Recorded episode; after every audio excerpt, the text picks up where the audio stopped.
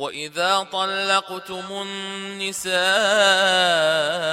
فبلغن أجلهن فأمسكوهن بمعروف أو سرحوهن بمعروف ولا تمسكوهن ضرارا لتعتدوا ومن يفعل ذلك فقد ظلم نفسه ولا تتخذوا آيات الله هزوا واذكروا نعمة الله عليكم وما أنزل عليكم من الكتاب والحكمة يعظكم به واتقوا الله واعلموا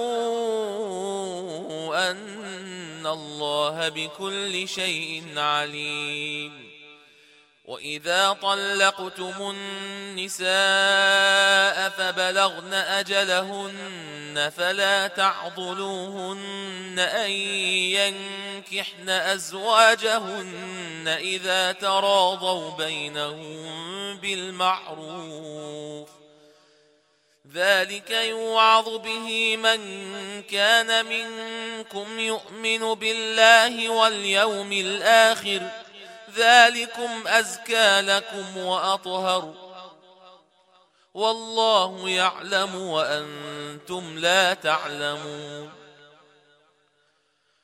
والوالدات يرضعن أولادهن حولين كاملين لمن أراد أن يتم الرضاعة وعلى المولود له رزقهن وكسوتهن بالمعروف.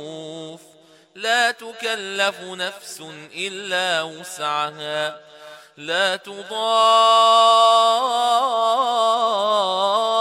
والدة بولدها ولا مولود له بولده وعلى الوارث مثل ذلك.